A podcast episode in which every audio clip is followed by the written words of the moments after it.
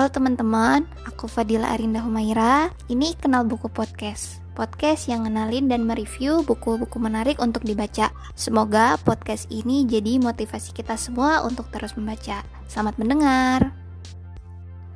Di episode Kenal Buku Podcast kali ini, aku akan bahas sebuah buku baru yang masih anget-anget terbit dari Gramedia Pustaka Utama di awal Agustus 2020.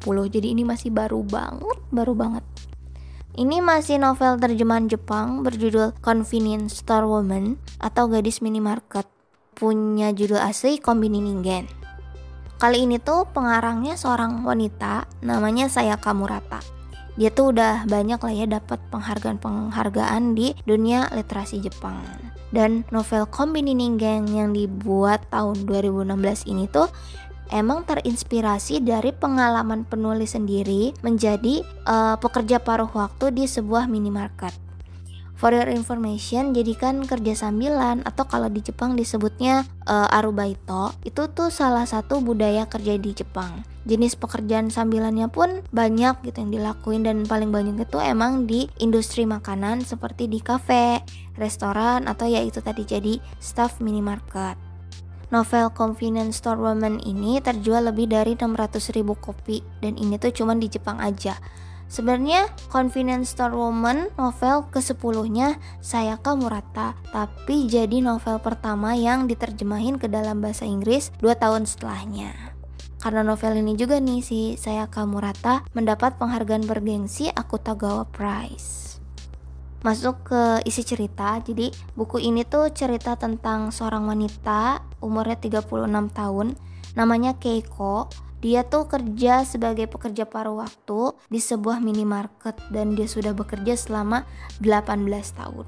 Wow, lama ya, 18 tahun si Keiko Sang ini dari kecil dia punya kepribadian yang beda dari anak-anak lain. Pemikirannya itu out of the box. Orang-orang sekitar dan termasuk orang tuanya itu nganggep dia itu gak normal. Ada cerita nih, jadi waktu dia SD ada dua anak laki-laki gini lagi berantem. Pas anak-anak lain gitu, cewek-cewek lain tuh teriak-teriak gitu sambil bilang itu tolong hentikan, panggil guru gitu kan si Keiko ya tanpa pikir lama dia lari ke anak-anak yang lagi berantem tuh langsung mukulin sekop ke kepala anak-anak yang lagi berantem. Menurut Keiko, cara itu tuh udah paling tepat dan paling cepet untuk e, ngeberhentiin orang yang lagi berantem gitu kan. Pas guru yang bermaksud untuk melerai itu datang dan lihat apa yang dilakuin Keiko gitu. Guru itu langsung teriak dan e, marahin Keiko kenapa melakukan sesuatu yang brutal gitu akhirnya kejadian itu tuh dibawa ke rapat guru dan ibu Keiko itu diundang ke sekolah dan akhirnya ibunya minta maaf. Dari situ Keiko tuh mikir gitu oh jadi aku salah ya? Tapi gak paham alasan kesalahan dia itu apa.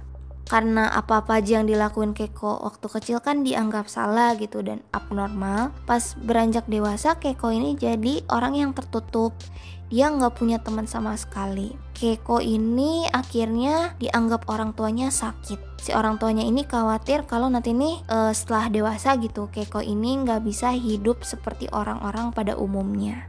Akhirnya setelah lulus kuliah, Keiko ini coba kerja paruh waktu di sebuah minimarket dengan maksud untuk bisa hidup menjadi orang normal gitu.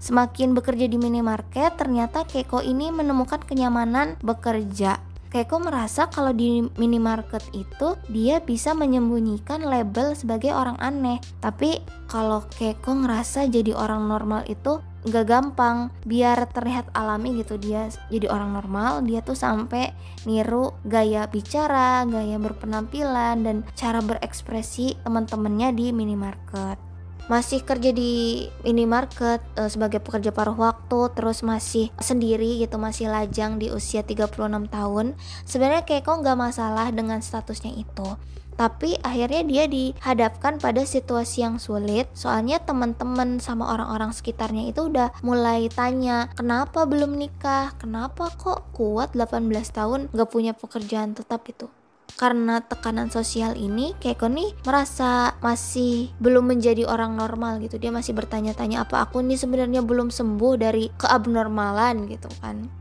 Akhirnya diceritakanlah Keko ketemu sama laki-laki namanya Sihara. Kurang lebih Sihara ini punya masalah yang sama dengan Keiko. Dan setelah dia ngobrol-ngobrol macam-macam, mereka berdua coba ngelakuin suatu ide yang ide ini biar terbebas dari tekanan sosial yang ada. Nah, kira-kira ide seperti apa? Terus apa Keko nanti bisa keluar dari tekanan sosial dan bisa hidup sesuai standar hidup orang-orang kebanyakan? Semoga kalian penasaran dan tertarik buat baca bukunya. Lanjut ke segmen 2.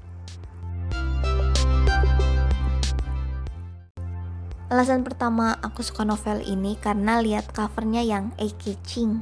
Warnanya kuning gitu, terus ada barcode ada label barcode-nya gitu pokoknya unik deh Terus alasan kedua, novel ini tuh novel Jepang paling ringan yang pernah dibaca. Pemilihan kata-katanya ini pas. Terus kita bisa dengan gampangnya ngikutin alur cerita bahkan dari lembar-lembar awal penceritaannya ini pakai sudut pandang aku ya, sudut pandang si Keiko sendiri. Jadi seru juga gitu kita ngerasa jadi tokoh Keiko yang polos dan dia tuh pengen jadi orang normal gitu. Itu tuh unik sih. Lanjut terus uh, penggambaran situasi minimarket ini tuh detail banget sampai bunyi bel gitu setiap orang masuk toko sapaan staff-staffnya gitu mase itu tuh jadi bikin apa ya kita dibuat masuk ke suasana minimarket Jepang. Kayaknya buat teman-teman mungkin yang pernah uh, datang ke minimarket atau pernah cobalah part time di sana gitu. Ini tuh situasi yang bisa bikin nostalgia gitu jadi bikin kangen. Terus walaupun novel ini ringan banyak kritik sosial sebenarnya yang membahas tentang kehidupan society zaman modern di mana penilaian sosial itu kayak udah mengatur cara hidup orang-orang gitu kan. Kalau belum nikah gitu terus belum punya anak atau misalnya belum mapan di usia tertentu dianggap gak normal. Padahal kan pemikiran tiap orang beda-beda prioritasnya pun beda-beda otomatis jalan hidup yang dipilih pun akan berbeda pula jadi ya nggak bisa dong kita menilai orang ini normal orang itu nggak normal gitu dengan standar sosial yang ada. Ini sih yang bikin aku mikir lagi gitu setelah baca novel ini tuh. Jadi normal itu tuh sebenarnya apa sih? Gitu. Ini aku kutip kalimat yang relate banget dengan kehidupan sosial kita gitu ya. Kalimat yang ini. Menurutku ketika ada sesuatu yang dianggap aneh semua orang tanpa sungkan, mereka berhak untuk ikut campur dan mereka berusaha mengungkapkan alasannya. Buatku itu menyusahkan, arogan, dan mengganggu. Bener kan ya? Jadi pas ada orang di kondisi tertentu gitu dan berbeda dari orang kebanyakan, misalnya yang tadilah belum nikah gitu di usia sekian orang-orang sekitar tuh akan nanya dan berusaha untuk tahu alasan orang tersebut belum menikah Padahal kalaupun si penanya gitu tahu alasannya apa, alasan itu tuh sebenarnya sama sekali nggak berdampak apa-apa gitu di kehidupan dia. Mungkin ada juga orang yang cuek gitu kan ketika ditanya pertanyaan gitu ya udahlah santai aja bodo amat gitu kan. Tapi banyak juga nih orang yang justru terganggu dan merasa tertekan dengan pertanyaan seperti itu. Sama juga nih hal yang dirasakan oleh Keiko. Itu kira-kira review dari aku banyak pelajaran yang bisa diambil dari novel 160 halaman ini. Terakhir, Convenience Store Woman aku kasih nilai 9 dari 10. Sekian episode 5 di Kenal Buku Podcast kali ini. Sampai ketemu di episode berikutnya. Dadah!